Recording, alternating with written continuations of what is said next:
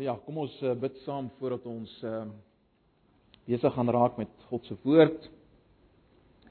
Kom ons uh vra dat hy werklik uh, met ons sal praat, met ons sal werk deur sy woord en deur die werking van sy gees wat hier teenwoordig is. Kom ons bid net saam. Ja, Here. Ons het nou die lof besing in gebrokenheid. Maar ons wil vir U sê, Here, U is al ons lof waardig. En nou kom ons weer na U met 'n verwagting dat U met ons sal praat deur U woord en deur die werking van die Gees en dat U dit sal doen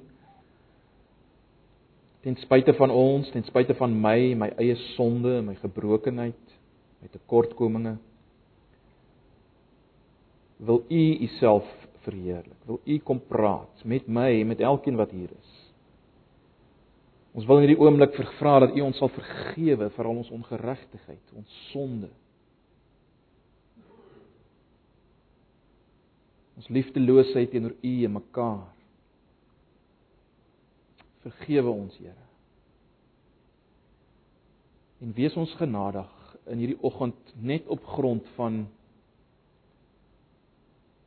wat ons weet wat U vir ons gedoen het in Christus Jesus toe ons nog sondaars was, toe ons nog goddeloses was, toe ons nog vyande van God was, het U ons reeds versoen, sê Romeine 5. En ons eer U daarvoor. En ons verwagting is nou van U in Jesus se naam. Amen. Nou ja, ons is steeds besig eh, met ehm um, Handelinge 14. Ag, met Handelinge, ons kom by Handelinge 14. Ons het klaar gemaak met Handelinge 13, ekskuus. Ehm um, So ek wil vra dat julle sal blaai na Handelinge 14. Ek gaan nie nou dadelik dit lees nie, ek gaan wel die hele gedeelte saam met julle deurlees, ek beloof. Ehm um, so hou asseblief die Bybels uh oop byderhand uh, dat julle kan volg en bybly. Handelinge 14. Dis waarna ons gaan kyk uh volgende.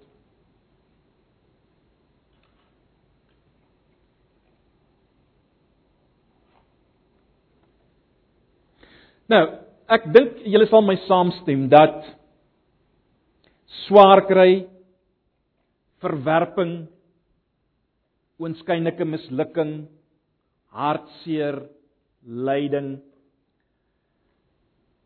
is in ons denke die teenpool van vreugde, blydskap, vervulling, sinvolheid en noem maar op. Dis baie moeilik om vir ons uh, vir ons om te sien dat hierdie dinge hand aan hand kan gaan en as te ware saamhoort. Dis vir ons teenpole, nie waar nie? Om die waarheid te sê, vir baie van ons uh en ek vertrou nie so seer by ons hier nie, maar vir baie Christen definitief, uh is Christendom aan die een kant en al hierdie dinge wat ek genoem het, swaar kry, teenkanting, onskynlike mislukking, hartseer, lyding, Christendom en hierdie dinge gaan nie hand aan hand nie. Want onbewuslik het baie mense tog die idee dat as jy Christen word, dan sal dinge beter gaan met jou. Jy sal vervulling kry en vreugde kry en dit sal goed gaan met jou. Dit dis hoe dit gesien word. Uh, ek ek weet nie hoekom mense dit so sien nie want Jesus het dit nooit gesê nie. Hy het gesê as julle agter my aankom, moet julle julle kruis opneem. Hoe dit ook al sê in die Nuwe Testament gaan hierdie dinge hand aan hand. Baie interessant. In die Nuwe Testament gaan swaar kry, lyding, verwerping en blydskap, vreugde, vervulling hand aan hand. Hand aan hand. Uiterste lyding, swaar kry, pyn en uiterste blydskap gaan hand aan hand. Ons sien dit in die Nuwe Testament. En ek wil hê ons moet dit vanoggend raak sien in Handelinge 14. Ek wil hê ons moet dit in Handelinge 14 sien. Nou wat ek vanoggend gaan doen is is bloot om die teks as te ware saam met julle te lees en 'n paar opmerkings te maak en dan gaan ek twee punte uitlig. En die eerste punt is die feit van lyding en dan tweedens hoe moet ons reageer daarop? In die lig van wat ons hier gesien het, wat kan ons leer oor wat ons reaksie moet wees op teenkanting, verwerping, lyding, net soos jy dit wil noem? Net om op te vang, uh julle sal onthou dat ons verlede Sondag gekyk het na Handelinge 13. Ons het gesien dat Paulus en Barnabas uh, gereis het na Antiochië in Turkye let wel. Hulle het gekom van die ander Antiochië in Sirië. Hulle het reis na Antiochië in Turkye. Hulle het in die sinagoge ingegaan. Ons het gekyk uh na die boodskap wat Paulus gebring het. Uh julle sal onthou daai geweldige boodskap waar hy Jesus wys as die toppunt van God se openbaring aan Israel. Die een wat die beloftes vervul, die een deur wie God ons nou seën en die feit dat God deur Jesus op te wek uit die dood bevestiging gee dat al sy beloftes wat hy gemaak het nou die toekom wat aan Jesus vashou en in hom glo. Dis die boodskap wat wat Paulus gebring het. En en daar was geweldige reaksie onder die heidene, maar julle sal onthou baie van die Jode was jaloers op wat daar gebeur het. Nigter weet presies hoekom, maar hulle hulle het begin om om 'n uh, eh, om die leiers van die stad te ooreed om Barnabas en Paulus te vervolg. En uiteindelik is hulle uit die stad gegooi.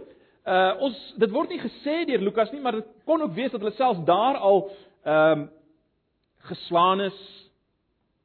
Die punt is hulle is uit die stad gegooi. Daar het vervolging teen hulle ontstaan. Hulle is uit die stad gegooi. Maar julle in die laaste vers, uh, as julle miskien net vinnige oog weer daar kan gooi in vers 52 van Handelinge 13, lees ons dit. Die disippels is vervul met blydskap en met die Heilige Gees. So alreeds hier sien ons 'n paar dinge saamgaan. Ons sien die die teenkanting, die uitwerp uit die stad, blydskap en die Heilige Gees. Al hierdie dinge gaan hand aan hand. En dis met hierdie vreugde en met die Heilige Gees wat hulle nou voortgaan na Ikonium so 100 km verder. Maar kom ons lees vanaf vers 14. Ek lees die 2020 vertaling. In Ikonium, dis nou Handelinge 14 vers 1. In Ikonium het dit op dieselfde manier gebeur. Hulle het die Joodse sinagoge binne gegaan en so gespreek dat 'n groot aantal Jode en Grieke gelowig geword het. So daar's daar's die positiewe, né? Nee. Daar's die rede vir blydskap. 'n Groot aantal ouens word gelowig. Geweldig.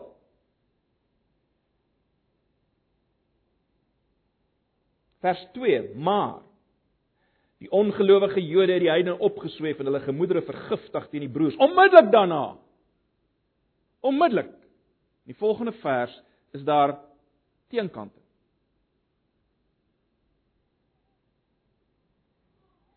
Vers 3: Tog het die apostels se geruime tyd daar deurgebring en met vrymoedigheid gespreek, vol vertroue in die Here wat die boodskap van sy genade bevestig het deur te beskik dat tekens en wonders deur hulle toedoen gebeur. Geweldig, daar is weer eens eh, die werking van die Heilige Gees, tekens, wonders. Dit het gebeur soos deur die res van die uh, geskiedenis van die kerk.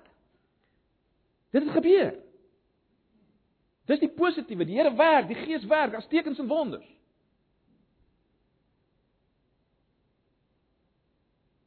Maar dan kom vers 4. Maar die inwoners van die stad was verdeel. Sommige het hulle by die Jode geskaar en ander by die apostels. Toe daar van die heidene sowel as die Jode en ook hulle leiers 'n aanslag kom om die apostels aan te rand en te stenig. Het hulle dit te wete gekom en na die Likaoniese stede Lystra en Derbe en die omliggende streke gevlug en daar die evangelie bly verkondig. Weereens net na die wonder van die werk van die Gees tekens en wonders wil die ouens hulle stenig en moet hulle vlug. Oënskynlik 'n nederlaag, oënskynlik mislukking want hulle moet dan nou uitvlug weg.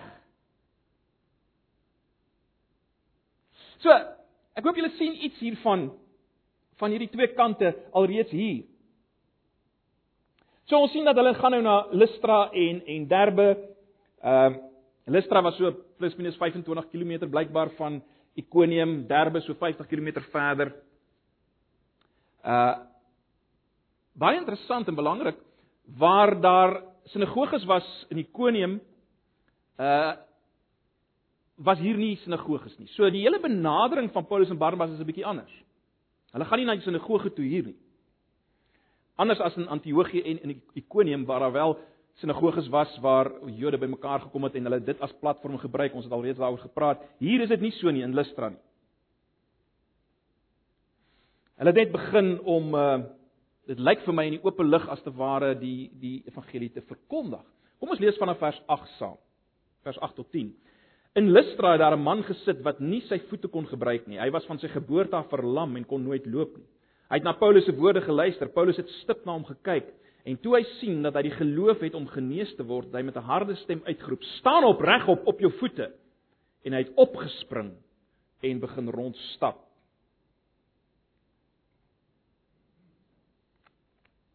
So wat ons hier sien is dat hierdie man luister na die woord wat Paulus bring. Uh wat presies Paulus se boodskap was, weet ons nie, dit word nie hier weer gegee nie, maar ons kan uh ons kan aflei uit die res van Handelinge dit wat ons reeds gesien het, dit wat ons nog gaan sien dat hy gewys het wie God is en waarskynlik ook uiteindelik gewys het wie Jesus is, wat hy kom doen het en so meer. Dit was dit was definitief deel van die die woord wat hy gebring het en hoe maat hy hier in hierdie geval ons sal nou iets weer daaroor sê en hoe maat hy hier by die Ou Testament aangesluit het weet ons nie. Ehm uh, dit lyk my hulle benadering hier was 'n bietjie anders. Maar goed, hierdie man het geluister na die woord wat Paulus gebring het. En uh die Heilige Gees stel vir Paulus in staat om te onderskei, om te sien dat hierdie man het geloof om te glo dat hy gesond gaan word.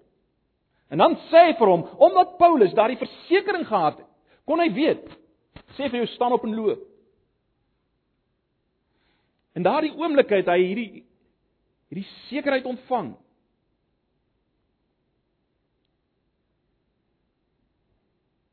Die gawe as jy wil om te kan onderskei dat hierdie man die geloof het om genees te word.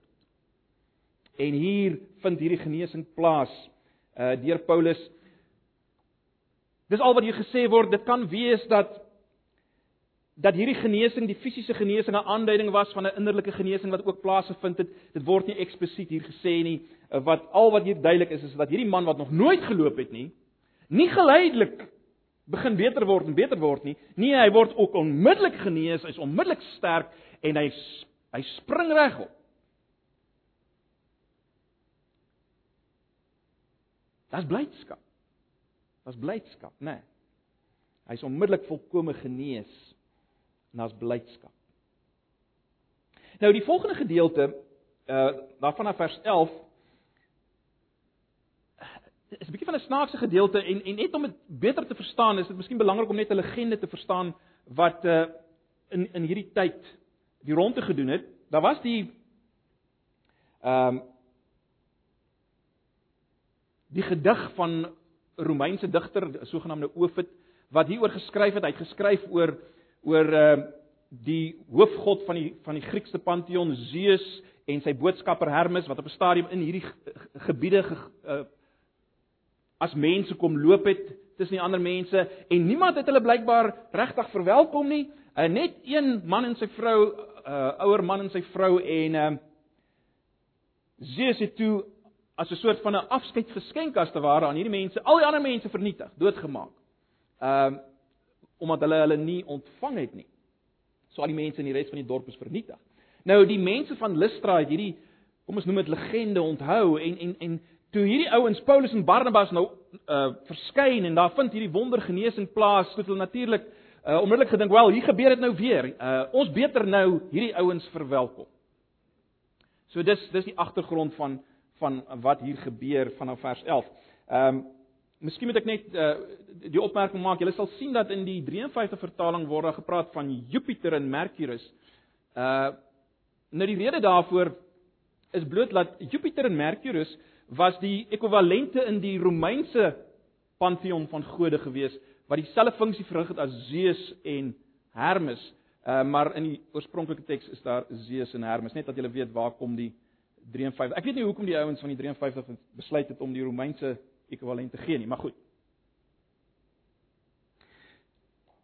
So Paulus en Barnabas het waarskynlik nie dadelik verstaan wat hierdie ouens sê in hulle plaaslike dialek uh Likaonies nie. Maar kom ons lees vanaf vers 11.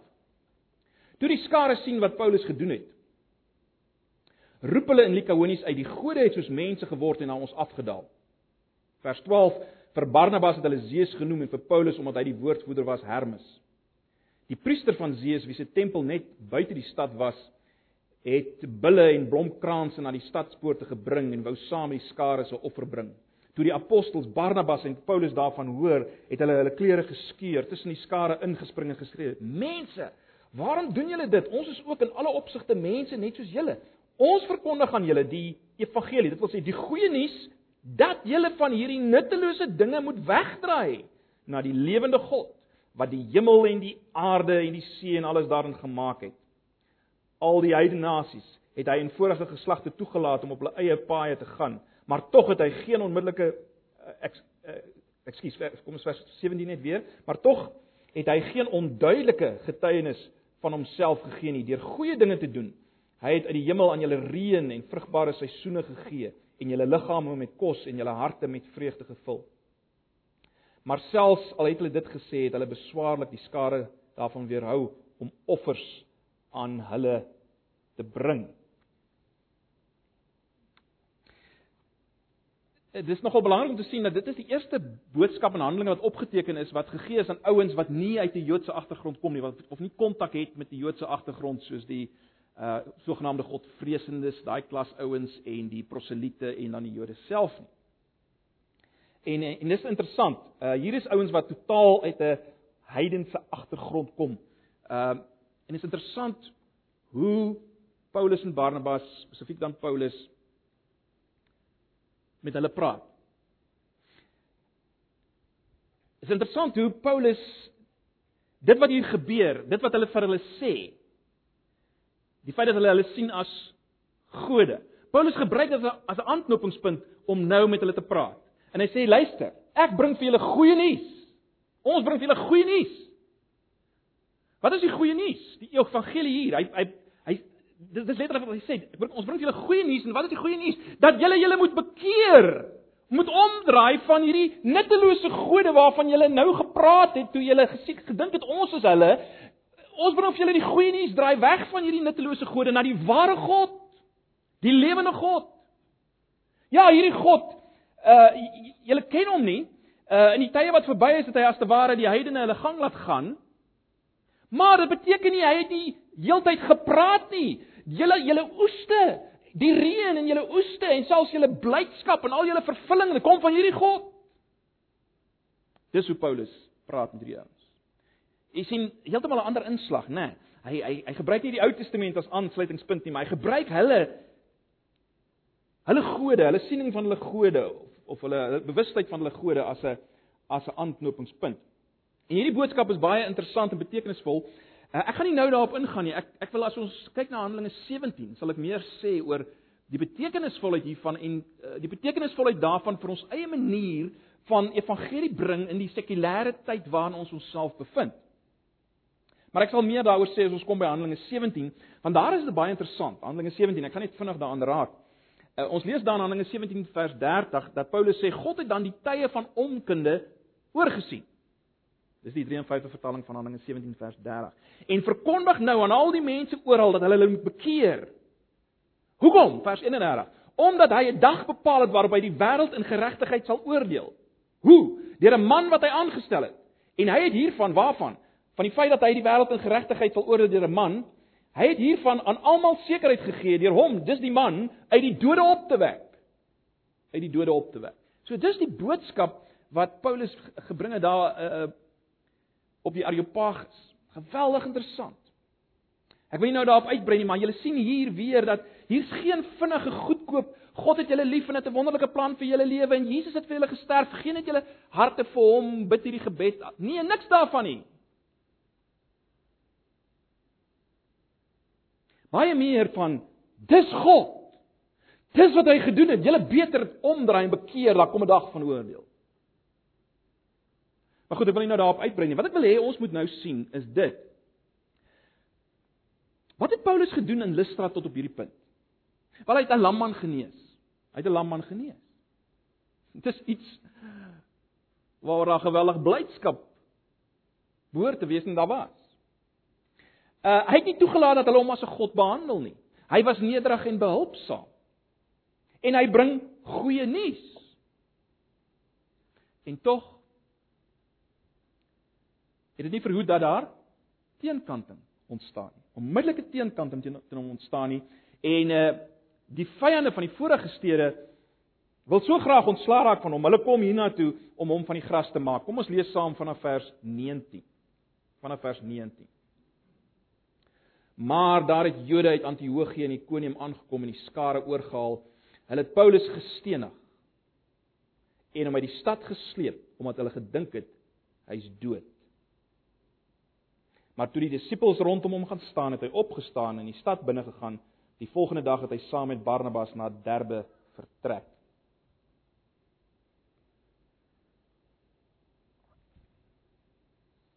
Nou Lukas ehm uh, vertel hierdie dinge amper so terloops, né? Nee. Maar sien ons wat hier gebeur het.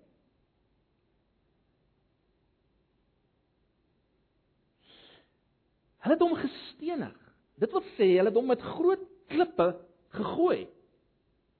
Totdat hy bebloed en bewusteloos daar gelê het in so mate dat hulle gedink het hy's dood.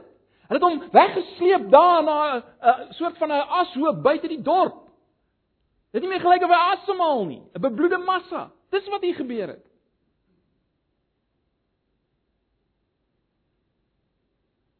Net na die genesing, net na die goeie nuus wat hy bring.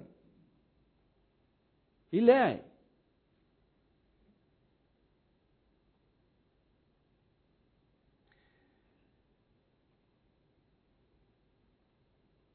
So die lof wat hulle nou net vir hom gehad het. Hulle het nou net Paulus besing as 'n god. En net daarna stenig hom. Mense dink amper aan of mense mense dink aan Jesus waar daar een oomblik gesing is Hosanna. En die volgende oomblik dieselfde mense kruisig hom, kruisig hom. En broers en susters, dikwels gaan hierdie dinge hand aan hand.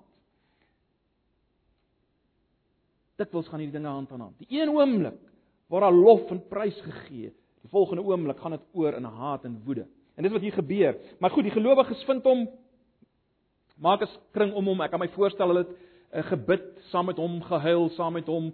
Uh, en uh, net soos hulle begin dink het waar gaan hulle hom begrawe, dan staan Paulus op. Hy staan op en hy loop na Derbe en hy bring daar die evangelie. Interessant, vanaf Derbe, as jy nou verder gaan vanaf Derbe, dan dan die kortste pad huis toe sou wees om suid na die kus toe te gaan, eintlik om reguit na Tarsus, Paulus se geboortedorp te gaan. Maar wat doen Paulus en Barnabas in steede daarvan? Kom ons lees saam vanaf vers 21. Nadat hulle die evangelie in daardie stad verkondig het. Dis nou Derbe. En 'n redelike aantal disippels gewerf het, het hulle na Lystra, Ikonium en Antiochië teruggekeer. Hulle het die disippels geestelik versterk. Hulle aangemoedig om in die geloof te volhard en gesê ons moet deur baie ontberings heen in die koninkryk van God ingaan. Vers 23 Hulle het in elke gemeente vir hulle ouderlinge aangestel en nadat hulle gebid en gevas het, hulle opgedra aan die Here in wie hulle nou geglo het. Vers 24 nadat hulle deur Pisidië gereis het, het hulle na Pamfilië gegaan waar hulle in Perge die woord verkondig het.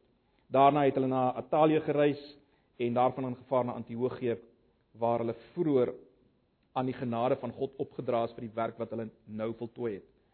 Met hulle aankoms het hulle die gemeente saamgeroep en vertel van alles wat God met hulle gedoen het. En dat hy vir die heidene 'n deur tot die geloof oopgemaak het.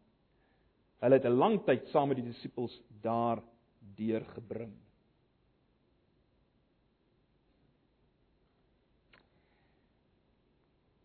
Gaan nie nou baie sê oor daai paar verse nie sleutelvers is uh is vers 22 waar Paulus sê ons moet deur baie ontberings hier in die koninkryk van God ingaan. Belangrik is ook om te sien weer eens die die teenwoordigheid van gebed en vas in hierdie gemeente. Maar kom ons kyk nou net na na die twee punte wat ek wou uh wou uitlig. Eerstens die feit van lyding.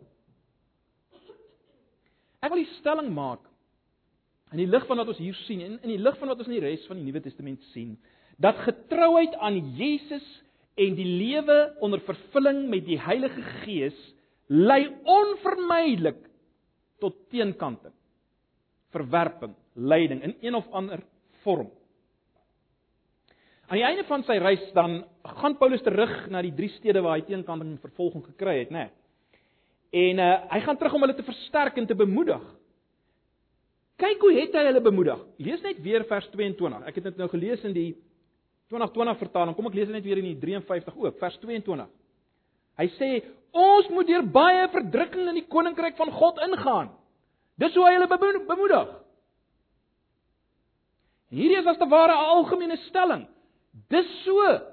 Ons as kinders van die Here moet deur baie verdrukkinge van allerlei aard in die koninkryk van God ingaan. Dis die pad. Dis die koninkrykspad. Want dis die pad wat Jesus geloop het. En die vroeë kerk het dit gevat. Stel jou net vir 'n oomblik voor die prentjie in Lystra, né? Die laaste keer wat hierdie ouens vir Paulus gesien het, was hy bewusteloos en bebloed en kon enige klip die laaste klip wees. En nou staan hy hier voor hulle, Paulus, dieselfde Paulus, en die littekens was waarskynlik aan sy lyf gewees. merke wat hy vir die res van sy lewe sou hê. Baie interessant, dit mag wees dat Paulus juis na hierdie littekens verwys as hy praat met dieselfde ouens, let wel in Galasiërs 6 vers 17 en hy sê die volgende: Verder moet niemand my moeite aandoen nie, want ek dra die littekens van die Here Jesus in my liggaam. Wat 'n kragtige getuienis. Ek dra die littekens van Jesus in my liggaam. En hy sê dit natuurlik net so terloops teenoor die ouens wat geroem het dat hulle besny is. Sê wel ek het 'n ander litteken, die littekens van Jesus. Aan die einde van sy lewe dan dink Paulus na oor hierdie dinge en, en luister wat skryf hy in 2 Timoteus 3 vers 10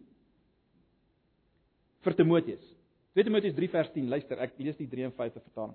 Maar jy, dis Timoteus, het my navolger geword in leer, lewenswandel, planne, geloof, lankmoedigheid, liefde, lydsaamheid, vervolginge, lyding en luister nou, soos my te beurt geval het in Antiochië, in Ikonium, in Lystra. Watter vervolging het ek nie alles verdra nie? En die Here het my uit almal verlos. En dan maak Paulus weer eens so 'n kategoriese stelling in vers 12 van 2 Timoteus 3. En almal wat ook godvrugtig wil lewe in Christus Jesus, sal vervolg word. En almal wat godvrugtig wil lewe in Christus Jesus, sal vervolg word. So dit lyk vir my ons kan die stelling maak dat getrouheid aan Jesus, 'n lewe onder vervulling met die Gees, lei tot teenkanting van een of ander aard.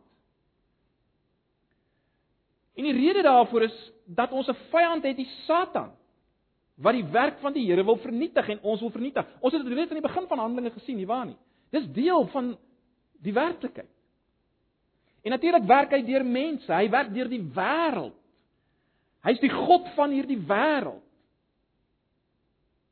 En sy plan, sy doelwit is om ons te vernietig en ons het te maak met hom en daarom onvermydelik waar God werk en waar die Gees werk en waar ons Jesus volg, is daar een of ander vorm van teenkanting.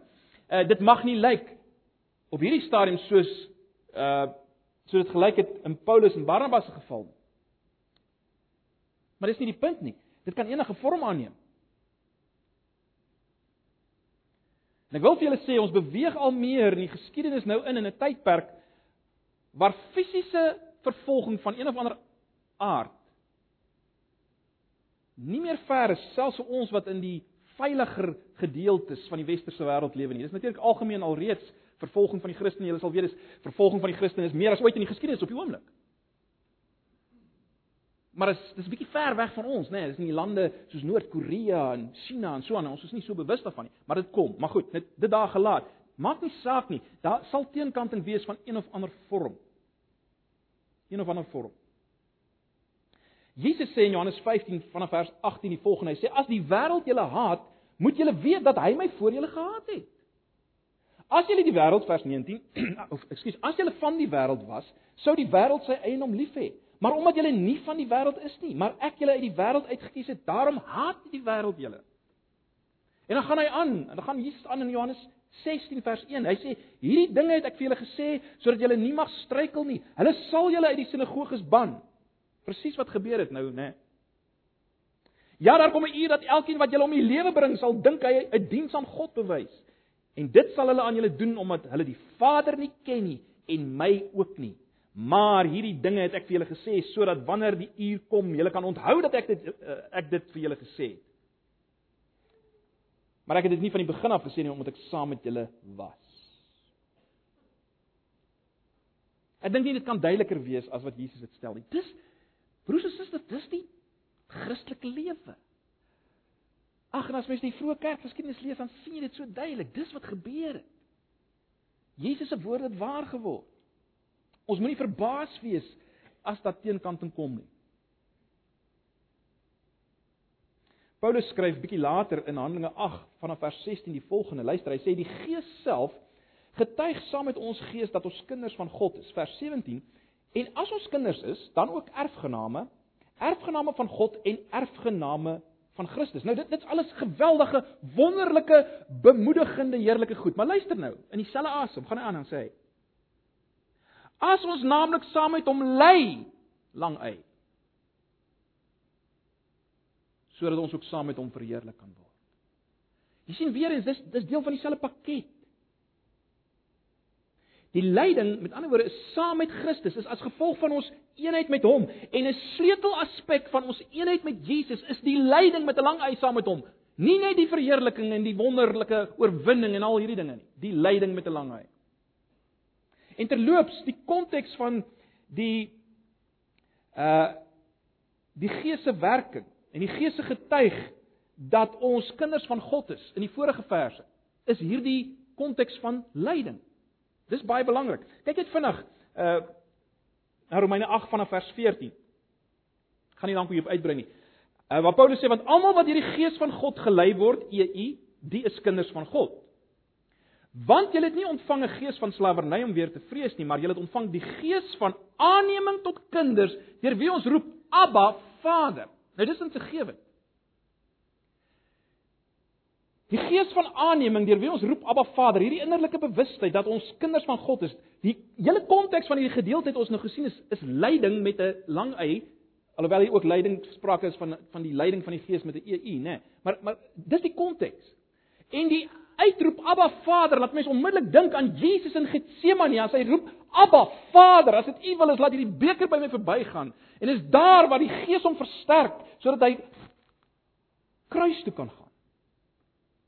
Hy kry hierdie bewustheid van sy kindskap. En Paulus kom en hy wys dat dit is die realiteit in die Christelike lewe. Die Heilige Gees gee bewustheid van kindskap binne die konteks van teenkanting en lyding.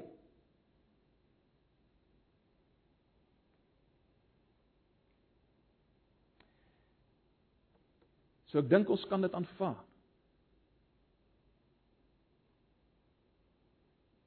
As die realiteit van die Christelike lewe. Dit was in die Bybel so, dit was in die kerkgeskiedenis so. Dit sal nou nog so wees waar mense Jesus volg en onder vervulling met die Heilige Gees lewe. En en daarom kan ons verwag dat enige groot beweging van die Heilige Gees gaan nie net hoor my woorde, nie net gepaard met bonatuurlike dinge nie. Ja, daar is bonatuurlike dinge. Dit gaan ook gepaard met lyding met 'n lang ei en dis iets wat in ons dag dikwels vergeet word, né? Die werking van die Gees en tekens en wonders en al hierdie dinge word gesien in 'n konteks van triomf. Daar selfs ouens wat praat van die lag in die Gees en sulke goed. Dis natuurlik vreemd in die Bybel. Die Gees werk in lyding en deur lyding. Waar daar lyding is, kan jy weet die Gees is teenwoordig. En dis iets wat ons mis in ons dag. So ons kan bid en ons moet bid vir herlewing, maar ons moet verwag dat daar ook teenkanting sal wees. Dit was in alle herlewings so terloops. Ons lees altyd net die mooi kante van herlewings. Miskien sit jy vanoggend hier as iemand wat tot bekering gekom het onder die wanvoorstelling dat dinge sal beter gaan met jou as jy 'n kind van die Here word. Wel, Ek vertrou jy het nou al uitgevind dis nie waar nie. Maar maar mag nie een van ons tog daardie idee gee vir ander mense nie. Dat weet jy as jy net 'n kind van die Here word, sal dit sal dinge uitgesorteer word in jou lewe en dit sal beter gaan. Nee, dit gaan nie. Ja, jou groot probleem is uitgesorteer. Jou probleem dat jy nie meer onder God se oordeel staan vir jou eie sonde nie, maar dat iemand anders jou oordeel geneem het op hom. Daardie probleem is uitgesorteer. En jou rebellie teen God eh, wat deur die werking van die Gees al meer verander word. Daardie probleme is in 'n sin aangespreek, maar dat baie ander probleme bygekom. Baie ander. Maar natuurlik, en dis die positiewe kant. Paulus sê in Romeine 8 vers 18, dit weeg nie op teen die heerlikheid wat op ons wag nie, né? Nee, Romeine 8 vers 18.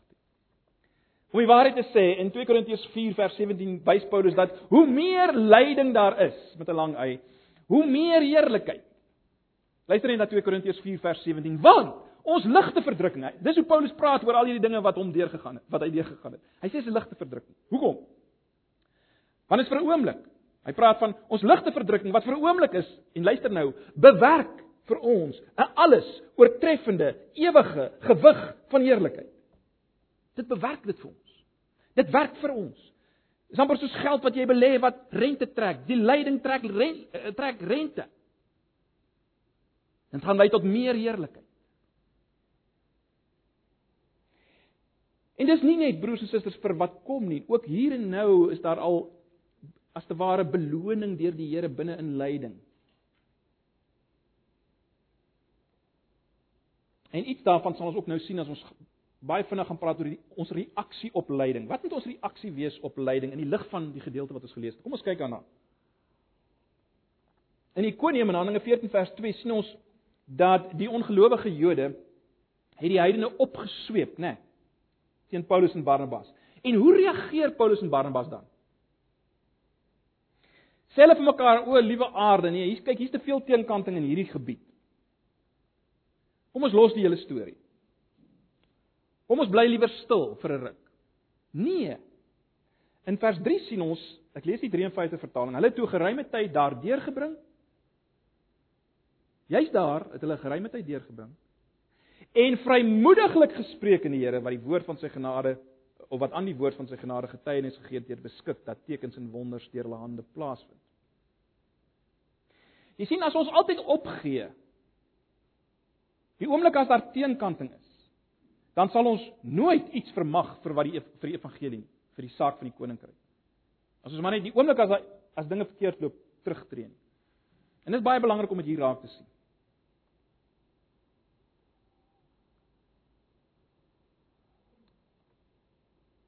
Wat sien ons hier? Paulus word gestenig, hy word vir die dood gelos en as 'n mens nou verwag hy gaan nou wegkruip iewers in 'n spilonk, Dan gaan hy verder en hy verkondig dieselfde evangelie in Derbe en hy keer weer terug na Ikonium later. Waar die ouens hom uh wou stenig en uiteindelik word hy natuurlik uh, gestenig.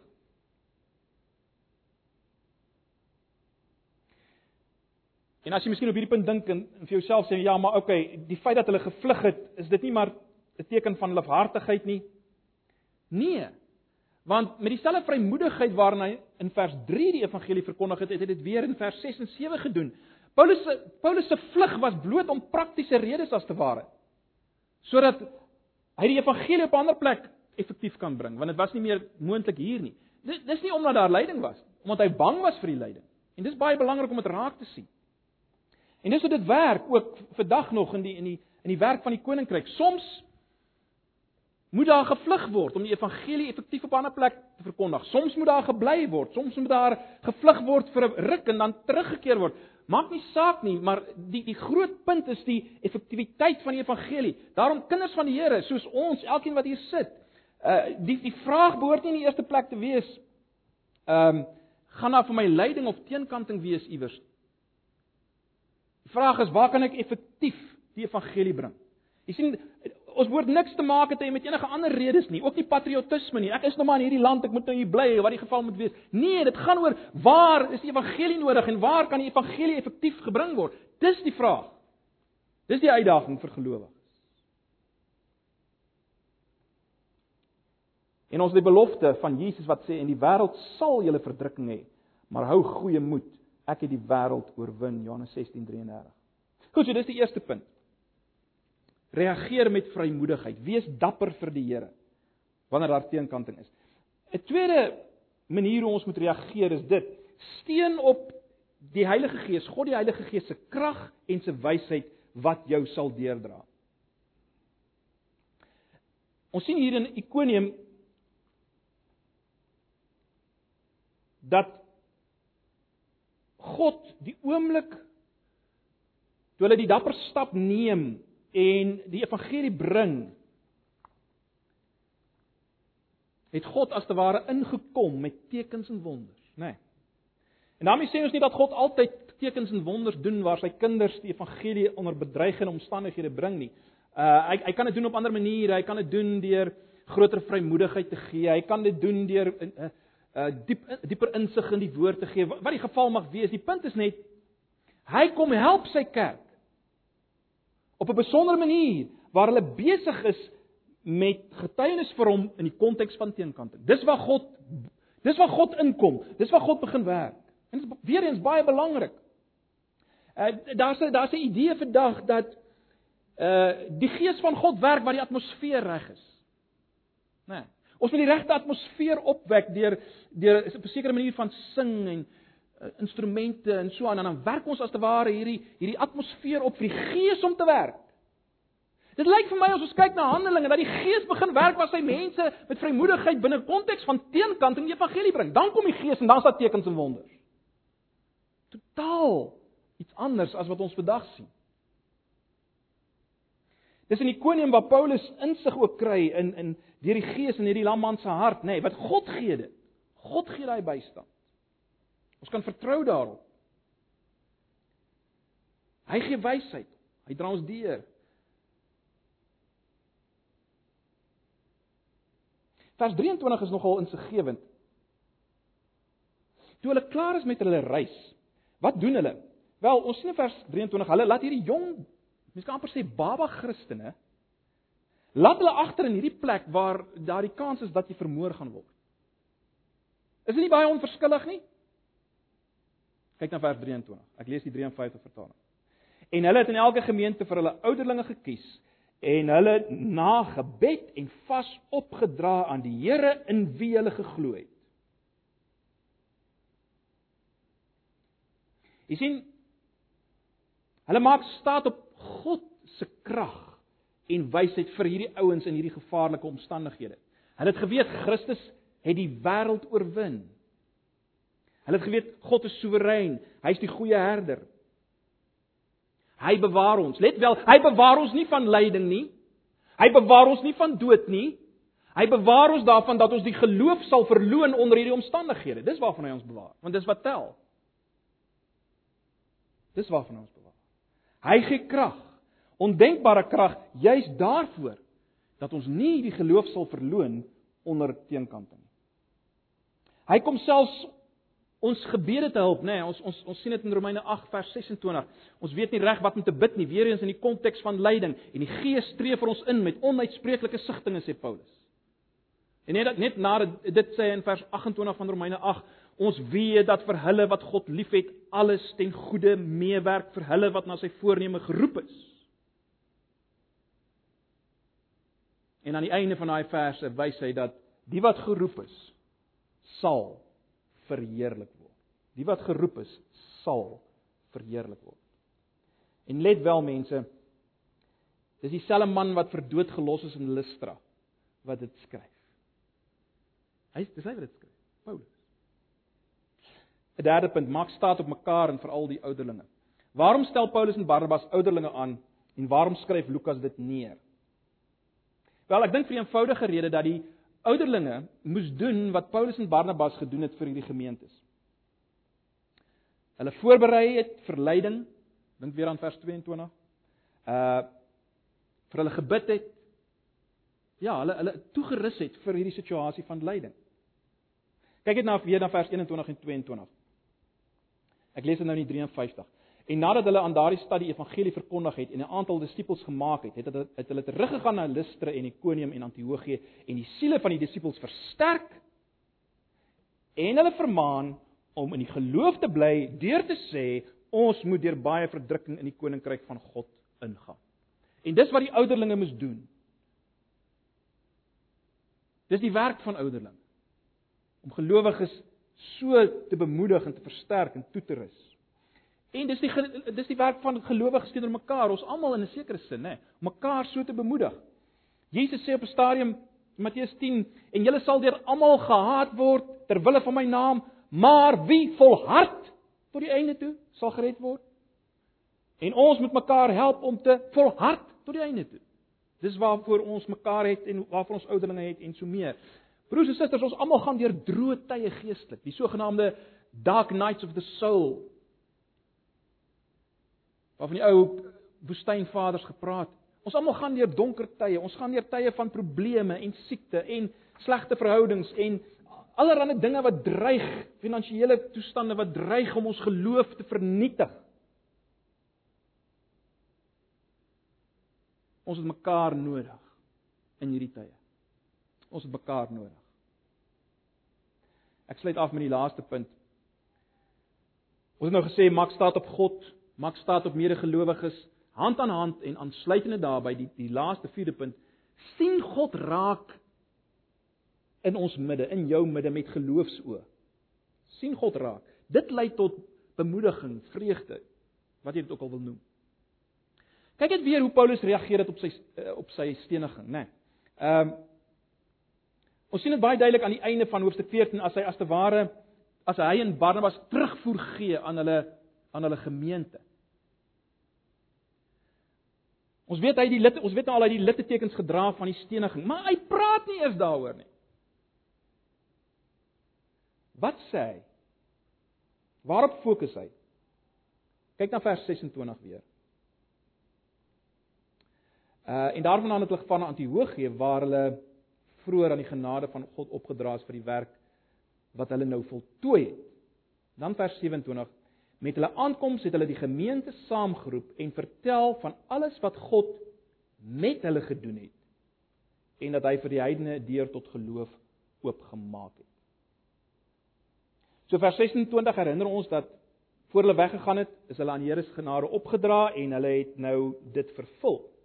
En dan praat hulle oor alles wat God met hulle gedoen het. En, men, en dit is nogal vreemd, né? Nee? 'n Mens sou verwag alles wat God deur hulle gedoen het, maar dit is interessant, die Griekse woord wat daar gebruik word kan nooit so vertaal word nie. En uh die meeste vertalings het dit dan ook vertaal met met. Sommige Engelse vertalings het wel deur, maar maar ek dink dit is 'n fout. So wat is die gedagte hier? Die gedagte is dat God sy werk met hulle gedoen het in die sin dat hy in hulle teenwoordigheid dit gedoen het of as jy wil dat hy dit saam met hulle gedoen het. Dis die gedagte.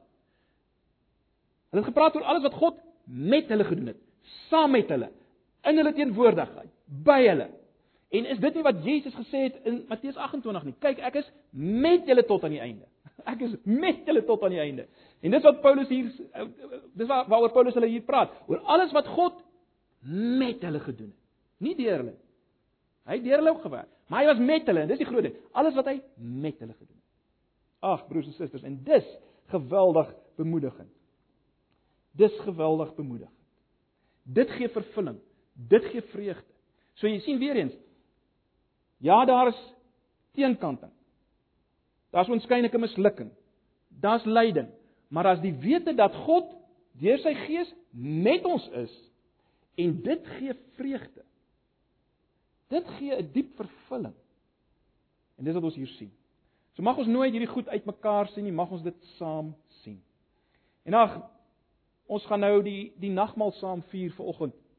En ek wil hê as ons die as ons die brood sien wat dui op die gebroke liggaam van Jesus en ons sien die glasies van wyn wat wat staan vir die bloed van Jesus wat gevloei is toe hy gesterf het. Laat ons daaraan dink. Dat hierdie Jesus, die Jesus wat sy liggaam gegee het, sy bloed gestort het, wat deur lyding gegaan het vir ons, is met ons. Is met ons. En dis wat hy juis vanoggend wil doen deur nie net deur die woord wat ons geluister het nie, maar ook deur hierdie teken. Hy wil ons versterk en bemoedig dat kyk, ek is met julle. Eet my, drink my. Ek is met julle. So gaan vir ons saam bid en ek wil hê julle moet vir 'n oomblik stil word, elkeen by homself en, en dan dink jy, wat gaan ons nou doen? Dink daaraan dat Jesus is hier deur sy Gees. Hy self hier. En op 'n misterieuse wyse eet en drink ons hom as te ware. So seker soos ons daardie brood proe en die wyn proe. Hy sê en hy wil ons bemoedig en versterk. Kom ons bid saam en dan gaan ek vra dat die diakens die tafel regmaak. Ag Here, wil U nou vir ons deur U tekens, die tekens van U sterwe in ons plek, wil U ons kom bemoedig en versterk. Asseblief, ons vra dit in Jesus se naam. Amen. So as ons uh, ver oggend die nagmaal vier, kom ons dink aan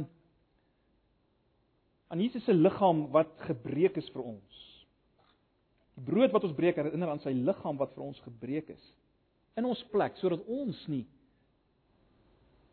gebreek hoef te word onder God se oordeel teen sonde nie. Sy liggaam is gebreek.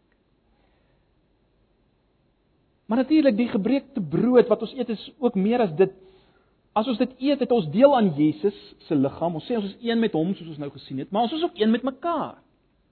Want ons is sy liggaam. Gesamentlik is ons sy liggaam. So kom ons gebruik dit ook so in in 'n bewustheid daarvan dat ons sy liggaam is wat deel het aan mekaar. Die beker waaruit ons drink.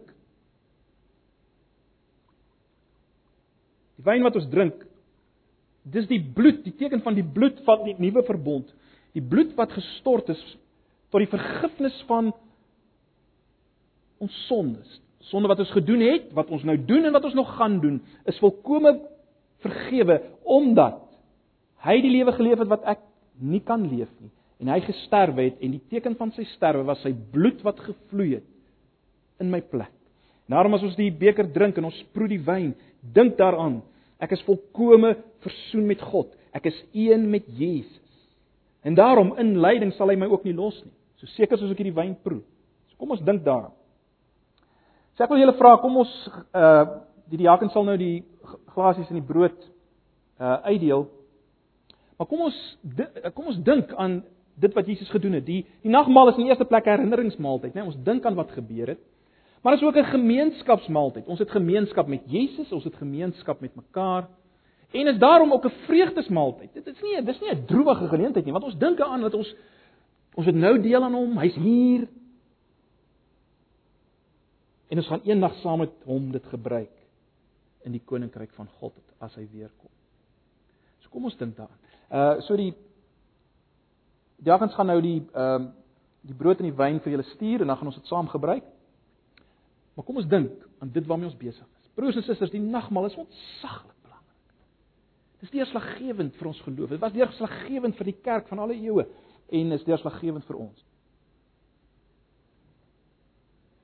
Ag Here Jesus, dankie dat ons kan weet U is hier vanoggend.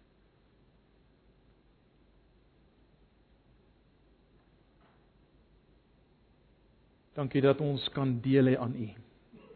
Ons net soos ons is met al ons gebrokenheid en sonde. Juis as gevolg van dit wat ons hier voor ons sien en ons nou gebruik het, U gebroke liggaam en die gestorte bloed. Juis daarom kan ons met U gemeenskap hê. So ons ondenkbaar Here want ons ken onsself. Maar ons wil dit vat deur die geloof.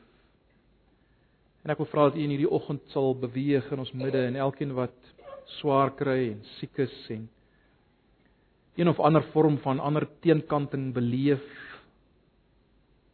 verwerping swaar kry dat U hulle in hierdie oggend sal bemoedig sal versterk sal aanraak. U ken elkeen. Ag Here wees U die trooster. Wees U die bemoediger asseblief. Ons vra dit in die naam van Jesus, die naam bo alle name, die enigste naam wat gegee is op aarde waardeur mense gered kan word.